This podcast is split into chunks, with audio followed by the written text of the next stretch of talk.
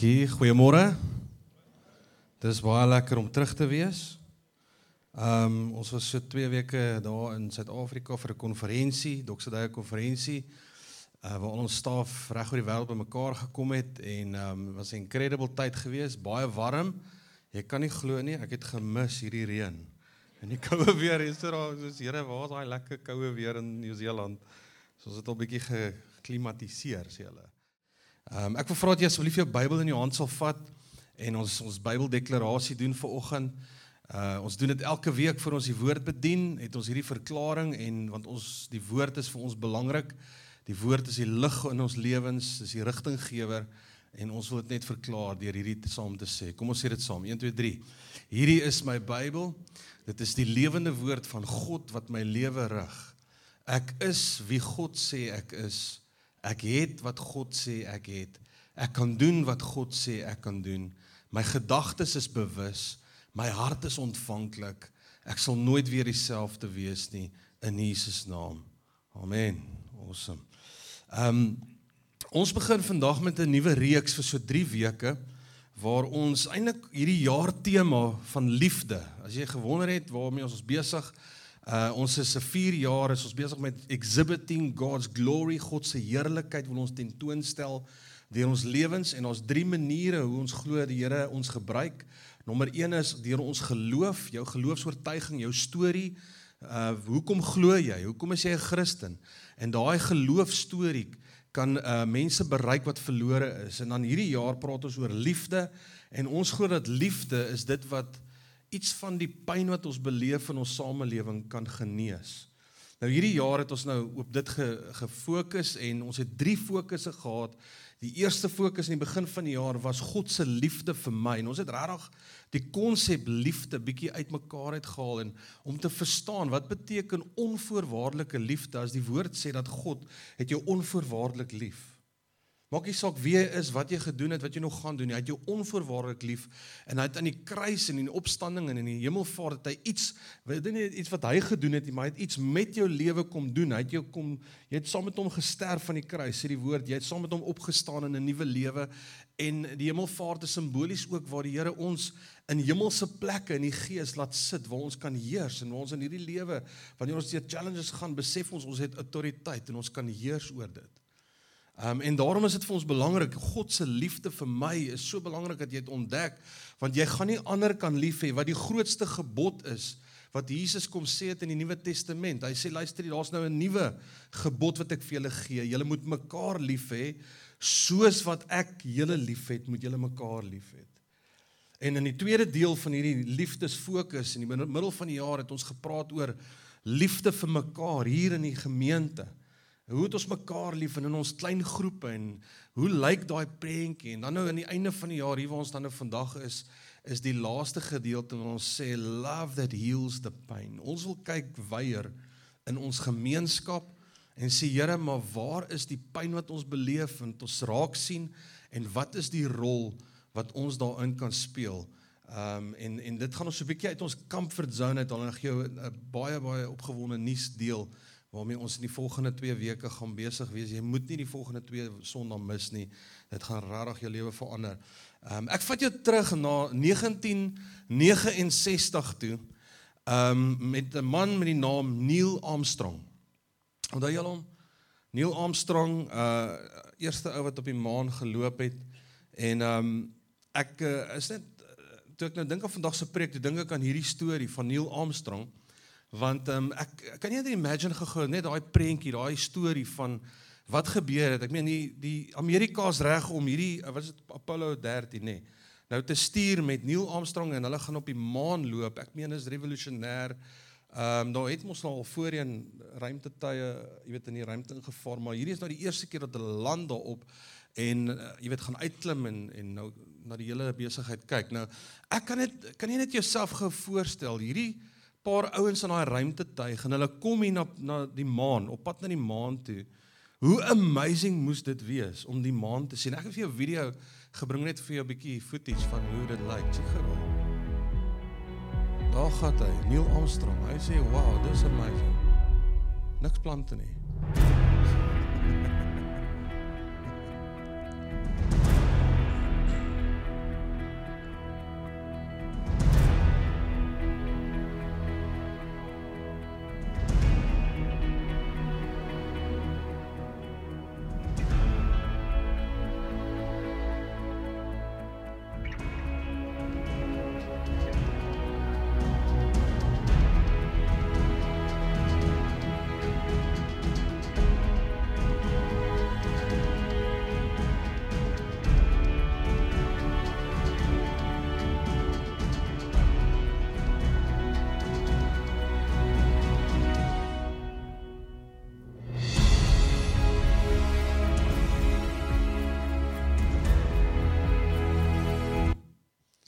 Nou kom ons wees dit eerlik, dis nou nie so mooi nie, nê. Ek meen dit is is nie 'n mooi ding nie, maar die gedagte van dat jy in in die ruimte is en jy het hierdie en ek meen daai is die ding wat die lig gee in die aand as jy daar lekker buite kan sit en 'n koffie geniet in jou tuin. I mean this amazing. En ek dink dit moes amazing wees om hierdie te sien nou, al hierdie kraters en die goed, maar ek dink daar was 'n volgende level wat meer amazing was van hierdie journey. Ek dink dit was hierdie oomblik toe Neil Armstrong uit daai ruimtetuig uit klim en hy sit sy voet daar in daai stof en al die goed en en hy loop en hy is dit is incredible. Hy klim uit die tuig uit en loop en ek dink die oomblik toe hy opkyk En hy het 'n beter perspektief want hy's nie nou vasgevang in hierdie ruimtetuig en hy sien hierdie prentjie. Dink ek moes meer amazing gewees het. Glo dit? Toe hy planeet Aarde sien. En hy besef dis waarvan hy vandaan kom. Ek meen dit moes amazing wees. Nie net die stof en die goed nie, maar nou die perspektief, die prentjie rondom dit moes amazing wees wat hy sien. Nou ek meen ek weet nie van jou nie, maar as ek dit gesien het, sou ek dalk het net verder so spandeer het net uh net bietjie gesit het.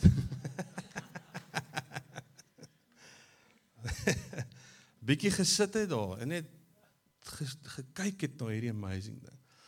Nou die rede hoekom ek vir jou hierdie storie vertel is die volgende is dat dis baie keer soos ons ons geestelike lewens is dat die Here met ons 'n plan het. Jy wat hier sit en vandag sê jy's 'n Christen ek voel dat daar soveel meer wat ons kan doen in hierdie lewe en wat die Here beplan het vir sy kerk om 'n verskil te maak in hierdie wêreld. En ek weet elkeen van ons wat hier sit en as jy 'n geloofs-oortuiging het in jou hart, is al iets van ek hoop hierdie wêreld kan bietjie beter raak. Ek hoop hierdie wêreld kan bietjie verander. Het jy dit ooit so gewens? Ek hoop ek wens goed kan bietjie beter gaan in ons skole of goed kan bietjie beter gaan uh, met die hospitaal en mense kan bietjie beter wees. Mense kan bietjie beter optree, daar kan bietjie meer waardes wees in mense se lewens. Ons almal wens dit. En kom ek sê gou vir jou, dis God se hartsbegeerte is dat hierdie wêreld sal nuut word. Hy sê dit in sy skrif. Look, I'm making all things new. Is die laaste vers in die Bybel in Openbaring. Sê kyk, ek maak alles nuut. Hy's besig met iets. En ons het hierdie hierdie verlange om te sien dat goed sal beter word, dat goed sal vooruitgaan en dat goedheid sal heers. Maar die Here het jou en my nodig. Die Here het ons nodig en ek dink baie keer is ons op 'n plek veral ek ek wil nie net sê ons as Afrikaners nie, maar ek dink ons ook baie sterk van waar ons vandaan kom. Ons groot gemaak is dat kerk is iets wat jy bywoon op 'n Sondag en dankie Here, die Here gaan happy oor my want ek was daar. En dan in die week is dit heeltemal 'n ander lewe wat jy leef en die Here is nie eers deel van dit wat jy mee besig is elke dag in jou lewe nie. En dis soos Neil Armstrong wat moes dalk in die ruimtetuig gesit het en nooit uitgeklim het nie. Ek dink baie van ons se geestelike lewens is soos dit. Is Apollo 13 jy land dan maar jy bly daar binne. En die Here wil in hierdie reeks glo ek vir ons sê, luister hier, dis tyd om uit te klim uit die ruimtetuig uit. Kom uit, kyk bietjie wat is om jou want dis amazing goed wat die Here wil doen om jou en jy het 'n rol daarin te speel. En jy mag dalk ver oggend sê, maar weet jy wat? Ek kan net so iets kleins gee. En ek wil volgens sê maak nie saak wat jy het om te gee nie. Daar was 'n wonderwerk wat gebeur het in die skrif waar Jesus 5000 mense gevoed het met twee visse en vyf broodjies. Jou kleinste poging kan iemand se grootste wonderwerk wees in sy lewe. En ek vra jou vir oggend, hoe dink jy oor Christendom en wie hy is en wat ons in hierdie wêreld doen? Ek voel regtig dat die Here met ons praat en as gemeente dat ons gaan opstaan en ons gaan betrokke raak en meer in aksie kom in dit wat die Here vir ons beplan het. Ek wil vir jou sê dat jy uh daar's iets van 'n verantwoordelikheid op ons lewens as ons sê ons glo in Jesus Christus en ons is volgelinge van Jesus is dit nie net 'n ding van kerk toe kom op 'n Sondag nie. Dit gaan oor dat ons hierdie wat ons hier beleef en die oortuiging van ons geloof vat na elke liewe dag van ons lewe toe. Elke liewe oomblik, elke liewe besluitnemende oomblik van jou lewe, het jy die geleentheid om God deel te maak. En weet jy wat? God wil deel wees van daai oomblikke. Die vraag is, leef ons dualisties of ons op 'n plek waar ons sê, Here, Ek is op 'n plek waar ek I'm connecting Sunday's faith to Monday's work, to Monday's life. Daar waar ek in my familie betrokke is deur die week. Die vraag is, hoe is die Here betrokke? Daar waar jy met mense omgaan, waar jy besig is, hoe doen jy dit? En ek wil vir jou hierdie skrif in uh, Efesiërs 1:25 sê die volgende: The church is Christ's body. Ons is die liggaam van Christus in which he speaks and acts. En dit is iets wat ons almal van hou. As ons ons hier bymekaar kom is dat die Here met ons sal praat en dat hy ons sal genees en ons bedien, nee, hy act. Hy is besig hier en ons wil sien dat die Here ons mekaar bedien en dat ek net 'n berusting in my gees sal voel en dat ek net so 'n bietjie petrol sal hê vir die week. Dis baie keer ons praat. ek wil sê jy hoef nie petrol hier te kry nie. Jy kan petrol elke dag van jou lewe kry want God is in jou. Moenie wag vir 'n Sondag nie, moenie wag vir 'n selgroep oomblik nie. Hy's met jou elke oomblik van jou lewe. En dit is lekker, maar hy gaan verder en hy sê that this church, this Christ body by which he fills everything. What is everything? Is everything. Elke liewe plek op hierdie aarde by which he fills everything with his presence. Ek en jy weet ver oggend hier, luister gou, hierdie gebou is nie die kerk nie. Ek weet nie wat jou agtergrond is nie, maar 'n gebou is nie die kerk nie. Ons is die kerk. Kerk is 'n mens, dis ek en jy saam wat saamkom as gelowiges. Ons is die kerk. En intedeel as jy my nie glo nie, gaan lees bietjie in die Nuwe Testament, gaan lees Galasiërs en al die goed. Jy kan 'n boek ook gaan lees Irresistible want dit is hoe die kerk begin het. Is dat die tempel was vir hulle so belangrik geweest en God en Jesus het gekom en gesê die tempel is nie meer belangrik, dit gaan oor julle nou, julle is my kerk. Hulle het geleef vir die tempel die Jode. Dit was net gegaan oor die gebou, oor die gebou gebou. En hy kom en hy sê dit gaan nie eers daaroor nie. Jy kan op 'n heuwel staan, jy kan enige plek wees en my teenwoordigheid kan daar wees waar jy is want jy is nou 'n draer van die teenwoordigheid van die Here. Hy sê die kerk kom en ons vat sy teenwoordigheid oral waar ons gaan and he fills everything with his presence. As jy net vir jouself kan dink dat wanneer jy maandag by jou werk instap, is dit nie net 'n uh, persoon X wat daar instap nie. Dis net 'n uh, Henry wat by sy werk instap nie, maar dit is Henry, die draer van die teenwoordigheid van God se koninkryk wat instap in daai werk. En dat daai draer van daai teenwoordigheid, ek meen God se teenwoordigheid is kragtig.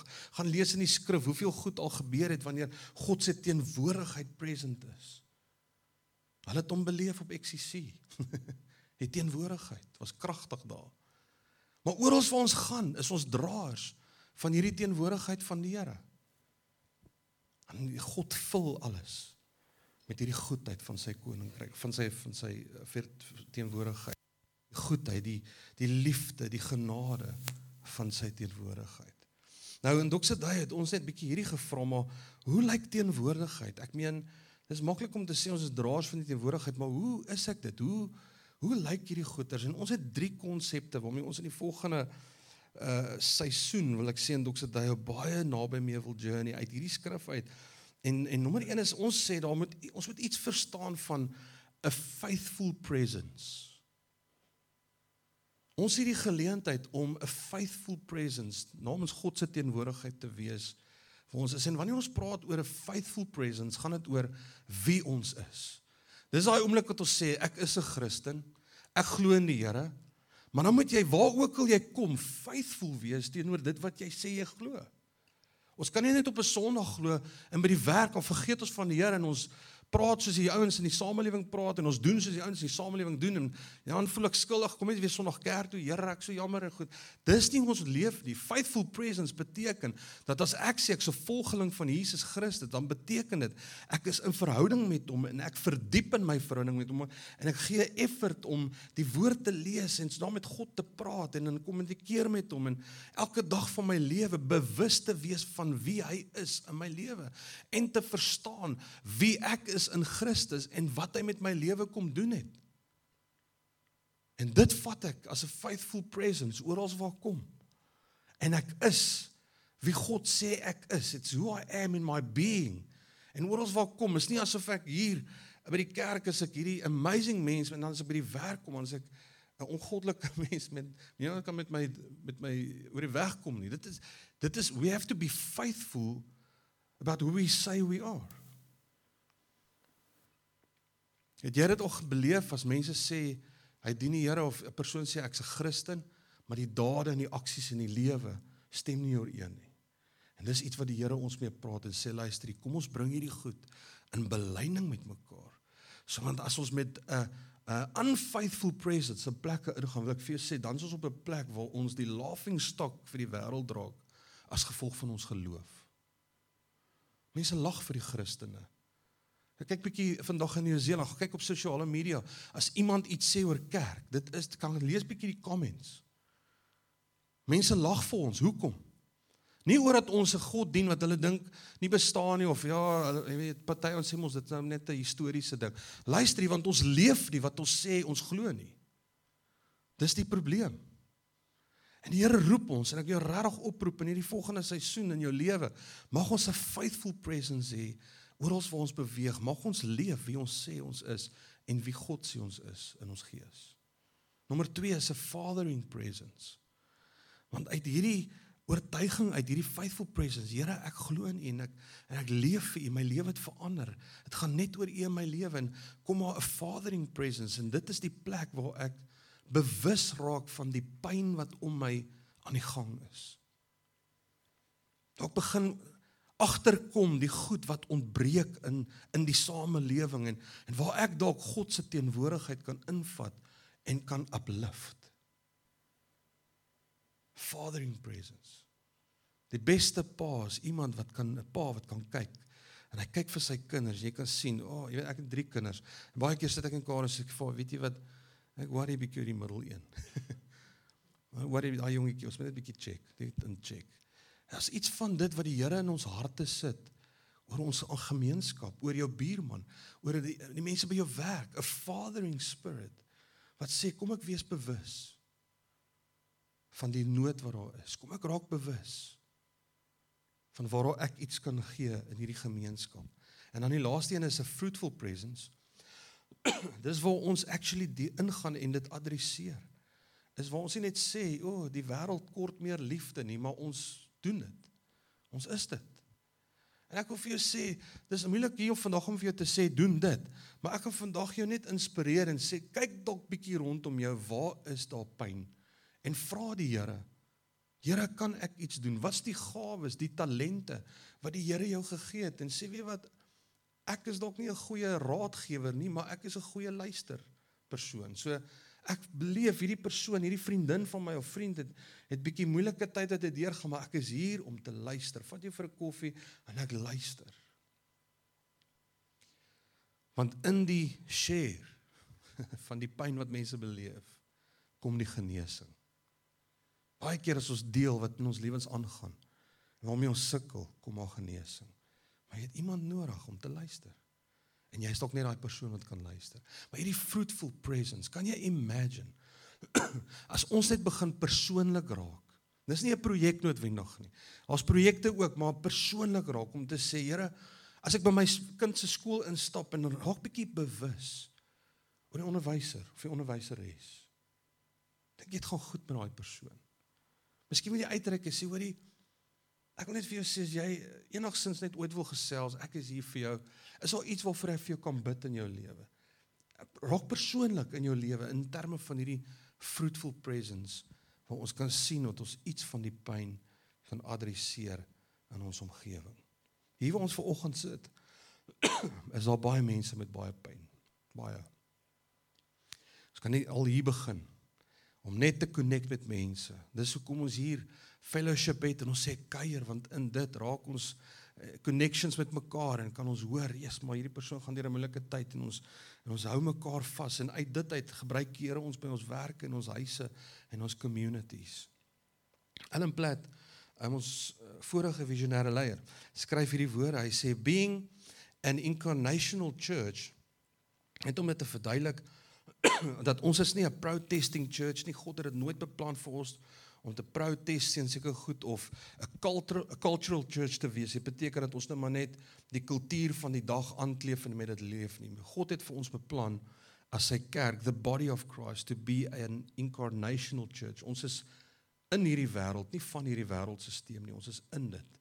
En die Here wil ons gebruik so sout wat wat geur kom bring en lig en uh, jy weet suurdeeg, die suur in die suurdeeg om verskil te kom maak. En hy sê being incarnational church means we have a grasp on what on who Christ is and who we are in him and how that translates to my everyday life. This affects how I relate and treat my fellow believer and the lost neighbor. Christ, being fully God, who created the universe, chose to come down to us, to be one of us. In knowing this, we as the church are the people of God living out this new life just as Jesus, who dwelled and moved amongst us, did. We are called to uh, in, in, inculcate. Ja, ek het. To inculcate the character of Christ into the community. The aroma of Christ filling the world as we choose to exhibit kingdom principles. Not as a program but as a transformed life. People see the gospel by how they see Christians in action. How many will see God is how he is displayed in the life of believers.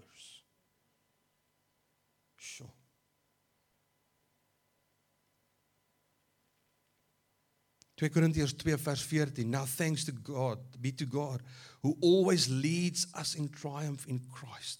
Jy's 'n oorwinnaar in Christus and through us he diffuses the fragrance of his knowledge in every place. For we are to God the fragrance of Christ among those who are being saved and among those who are perishing. Vers 15 sê in die of net skus in die message vertaling sê dit so hy sê through us he brings knowledge of Christ everywhere we go people breathe in the exquisite fragrance because of Christ we give off a sweet scent rising to God which is recognized by those on the way of salvation Jy weet, die oomblik wat ek en jy sê, Here, ek gaan u teenwoordigheid draer wees. Ek glo in u. Ek besef dit is nie net om te sê ek glo nie. Ek wil sê dit gaan vir jou niks help nie. Om te Christen te wees beteken jy doen iets. Ons doen iets. Ons is betrokke. En as ons dit doen, word ons soos hierdie sweet fragrance, is asof mense net, "Wel, dit is hoe dit moet wees." Dis wat gebeur het in die eerste eeuse kerk. As jy praat van daai boek wat ons gelees het, Irresistible, ons het veel almal gestuur. As jy net stuur vir my e-mail, e-mail dan stuur ek dit vir jou. Die, die PDF. Irresistible, wat het gemaak dat die kerk so gegroei het? Wat het gemaak dat die kerk vandag nog bestaan? Was Christene wat geglo het in die opstanding van Jesus Christus en gesê het ons is nou in 'n nuwe lewe en die manier hoe Christus geleef het op hierdie aarde is die nuwe manier wat ons gaan aankleef en ons gaan dit leef in elke liewe plek waar ons kom. Dit gaan nie meer 'n gebou nie, ons is die kerk, ecclesia, togetherness. Ons gaan uit en ons bring hierdie kingdom principles in eh, in aksie oral waar ons gaan. Dis wie ons is. En wanneer dit kom by liefde en ons praat oor hierdie laaste reeks oor liefde en ons sê Here maar hoe lyk hierdie liefde? Die Here challenge ons met liefde. God se liefde vir my, hy het my lief en in dit die ontdekking of van is dit so amazing dat ek besef, weet jy wat, ek kan ek kan niks doen in my lewe. Luister gou. Ek kan niks doen in my lewe wat my posisie in Christus as ek aan hom glo wat my posisie kan verander nie. Hy het my deel gemaak van sy familie en nou sê as jy deel is van hierdie family, wil ek jy moet op hierdie manier, hierdie koninkryks maniere begin uitleef. Dit is wel dat iemand kom bly by jou permanent in jou huis wat nie deel was van jou family nie. Hulle gaan nie kan doen wat hulle net wil doen nie. Hulle moet nou deel raak van hierdie culture. Is ek reg? Jou jy sê my huis, ons het 'n sekere manier. As ons hier by mekaar kom eet ons saam by 'n tafel. Jy weet, elkeen sit in sy kamer, nie in ons huis, sit by 'n tafel en wanneer ons voor ons eet, dan sê ons vir die Here dankie vir dit wat ons eet. It's just the way how we do things. En net so. Was ek en jy ons het die Here vertrou vir sy redding en hy het ons kom red en nou sê in in hierdie koninkryk van hom. Luister jy, there's a way of doing things. En ek wil net afsluit met hierdie goed, dit 'n paar goeters wat as ons praat oor liefde, hoe die vlakke van hoe die Here ons kom challenge met liefde. En dan gaan ons volgende week bietjie meer 'n praktiese ding doen maar nommer 1 is is liefde vir mekaar is wat God sê. Hy sê en ons moet as individue ingroei in hierdie vlakke van liefde as mense wat sy teenwoordigheid gaan uitdra. Jy weet dit is nie net maklik om te sê kom ons hê mekaar lief maar hoe lyk dit? 1 Johannes 4 vers 7 beloved let us love one another uh, for love is of God and everyone who loves is born of God and knows God. En as ons sê ons moet mekaar lief hê, mense, moet dit sigbaar wees in hoe ons mekaar vergewe. Dit moet sigbaar wees in hoe ons mekaar bedien. Dit moet sigbaar wees in hoe ons mekaar vrygewig help. Hier's 'n paar praktiese goed vir jou. Liefde vir mekaar. En wanneer ons dit doen, genees dit die pyn van onvergifnis en siekte en behoeftes wat daar is. Liefde vir mekaar. Nommer 2, hoor hierdie volgende level. Liefde vir mekaar, ons mekaar lief hê. Ons moet mekaar kan vergewe as ons sê ons mekaar lief. Ons moet mekaar kan bedien. Ons moet vrygewig kan help. Maar kom Jesus en hy praat verder in die Nuwe Testament en en ons leer hierdie hy sê liefde vir jou medemens. Maak dit bietjie meer prakties. Jou neighbor sê die Engels. Romeine 8 uh, 13 vers 8 sê betaal alles wat julle verskuldig is. Maar die een rekening wat julle altyd verskuldig sal bly is om mekaar lief te hê. As jy jou naaste liefhet, vervul jy die wet, want elke verbod die teen egbreek en teen moord en diefstal en verkeerde begeertes en watter ander daarin daar ook mag wees word opgesom in hierdie een groot opdrag. Jy moet jou medemens net so lief hê soos jouself. Mekaar medemens. Hy maak dit bietjie volgende level Yes, en dit beteken, dit moet sigbaar wees en ons mekaar respekteer. Jou buurman, kom ons maak dit prakties. Hoe respekteer jy mekaar? Is daar gasvryheid? Is daar beskikbaarheid? Dan sê ek ek's hier om jou te help as jy my hulp nodig het. Ek's hier. Dis een van die maniere ons hoe ons liefde wys.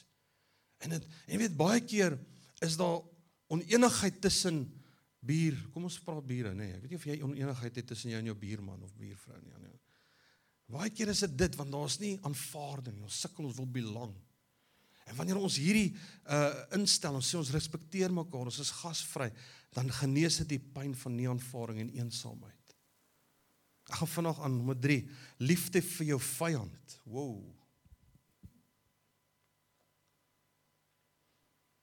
Geen liefde vir mekaar, nie liefde vir jou vyand. Nog bietjie dader, nog bietjie meer intens. Matteus 5 Jesus sê self, "But I say to you, love your enemies. Bless those who curse you, do good to those who hate you, and pray to those who spitefully use you and persecute you." Here help ons. In Johannes 4 vers 20, if someone says, "I love God," and hates his brother, he's, he is a liar, for he who does not love his brother whom he has seen, how can he love God who he has not seen? 'n vyand lief hê. En dit is sigbaar in hoe ons vir ons vyande bid. Dit is sigbaar in hoe ons ons vyande seën. Jesus het vir sy vyande gebid en hulle geseën. Die Here bless hulle. Hulle weet nie wat hulle doen nie. Bless hulle. bless hulle. Baie keer is daar vyande van ons harde harte en gebroke harte en wanneer ons bid en seën genees die pyn van gebroke en harde harte. En dan laastens 'n liefde vir die samelewing, society. Hebreërs 6 vers 10 sê God is regverdig. Hy sal onthou wat julle alles vir hom doen. Hy weet dat omdat julle hom liefhet, julle gedurig ander Christene help en altyd reg is om ander te help waar julle kan. Ek wil graag hê dat julle moet aanhou om God so ywerig te dien. Hou so aan tot alles gedoen het. Tot julle alles gedoen het wat hy ag tot God alles gedoen het wat hy beloof het. In die Bybel as jy gaan lees, Nuwe Testament is baie pertinent hoe die Here vir ons 'n opdrag gee om verantwoordelikheid te neem vir die wees, die weduwees, die gevangenes, die armes. Ons het 'n verantwoordelikheid. En wanneer ons dit doen, wanneer ons uitreik na hulle toe, dan genees ons die pyn van sosiale onreg. Ek wil vra die worship ons julle kan na vore kom vandag. Kan jy sien net hoe die Here net liefde, baie keer oppervlakkig ons sê jy mekaar lief. Maar kom hier hy sê met jou naaste lief hê. Jy moet jou vyand lief hê. Jy moet die sosiale omstandighede wat daar is, die samelewing, hoe dit nou is, al is dit nie volgens jou waardesisteem nie, hê dit lief en bid daarvoor en reik uit na dit toe en maak 'n verskil. Net om saam te vat 1 Johannes 4 vers 16 God het ons lief en ons weet en ons glo dit God is liefde. As daar dus liefde uit jou lewe straal, vertel dit hoe naby jy aan God leef. Wow. Jy moet dalk 'n foto neem van hierdie hierdie skrif. 1 Johannes 4 vers 11 tot 12. Hy sê: "Liewe vriende, God het vir ons gewys wat ware liefde is. Ons behoort mekaar ook so lief te hê. Niemand het God nog ooit gesien nie. En as ons egter mekaar liefhet, kan mense God in ons lewens raak sien. Wel, hier's dit. Hoeveel keer het jy al vir mense probeer verduidelik God is 'n werklikheid? Dan sê hulle hy is nie man. Jy droom. Dis net 'n boek. Die Bybel is net 'n boek, geskiedenisboek. Hoe weet jy? Hoe wys ons God leef? Hoe wys ons God 'n werklikheid? Hy gaan nie net eendag hier opdaag en vir die wêreld hy hier's ek nou. Dit is ek nie. Weet hy gaan dit eendag doen as hy terugkom. Ja dit gaan hy doen. Maar nou moet mense hom ontdek. Verlore mense. Hoe gaan hulle weet hy leef? Hoe gaan hulle weet God is 'n werklikheid? Hoe gaan hulle weet jy spin nie net 'n storie as jy sê jy's 'n Christen nie? Is in die manier ons mekaar lief gaan hê is die manier ons mekaar gaan dra Die manier ons verby mekaar se tekortkominge kyk. Sê luister hierso. Gaan jou optel. Ja, ek stem nie saam met hoe jy die goed dink en hoe jy die lewe doen nie. Maar luister ek gaan jou lief hê. Want as ek moet dink hoe God my lief gehad het met soveel tekortkominge in my lewe. Al die moeilikheid wat ek al aangevang het. En vandag nog steeds sê hy daai kruis was vir jou ook. Was vir jou. Onvoorwaardelik lief. Want ons dien 'n God wat nie kyk na jou verlede nie. Ons dien 'n God wat kyk na jou toekoms.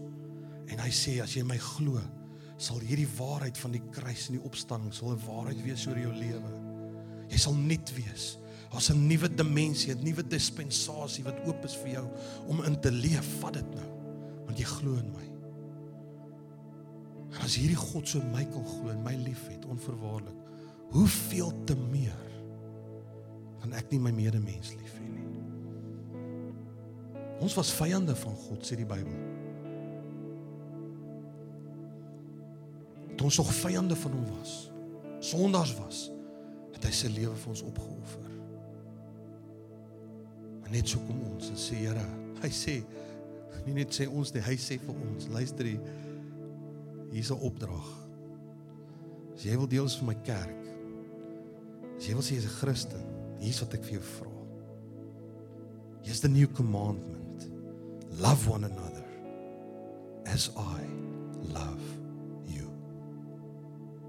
Dis die opdrag. Nou kom jy nie volgende week, die week wat daarmee mis nie. Ons dat die Here op ons pad 'n incredible geleentheid gebring het. Ons gaan volgende week vir Sumin ehm um, die wil hier sommer met ons hê van Open Home Foundation en wat spesifiek werk met ehm um, pleegsorgkinders en ouers. En hoe die Here net ons op 'n pad gebring het waar ons kan in 'n samewerking wees met Open Home en sê Here, hier is behoefte, hier's pyn. Nie net is al kinders sonder ouers nie, maar daar's ook ouers wat wat opsaai en sê ek is 'n foster parent, maar Jesus, ek is alleen in hierdie wêreld. Ek het hulp nodig. Ek het net nodig dat iemand naby my staan en bietjie vir my omgee. Ek ek is besig om die goeie werk te doen. Maar ek het ondersteuning nodig. En volgende week gaan ons 'n onderhoud hê met Sumin en ons gaan bietjie hoor wat is die pyn. We're going to be aware of the pain in our city. En dan die week aan na, moet jy nie mis nie, want dan gaan ons van die foster parents hier hê. En dan gaan 'n getuienisse kom share en ons gaan vir hulle bid as gemeente en ons gaan uitreik na die sosiale omgewing en ons gaan sê die kerk kom nader aan hierdie omgewings en ons vat hande en ons reik uit in ons gemeenskap en ons gaan vir hulle bid. Ons gaan hulle opdra. Miskien in hierdie 2 weke praat die Here met jou, daar gaan vlakke wees van hoe jy kan betrokke raak in 'n kind se lewe daar buite, in 'n ouer se lewe. Kom ons wees prakties. Kom ons maak kom ons wees betrokke. Kom ons kom hier, is nie net kerk bywoon nie, is Here, ons is hier om toegerus te word vir ons dienswerk of vir ons roep. Amen. Kan ek jou vra om saam met te staan vir oggend? Kan ek jou vra om jou oë te sluit vir 'n oomblik?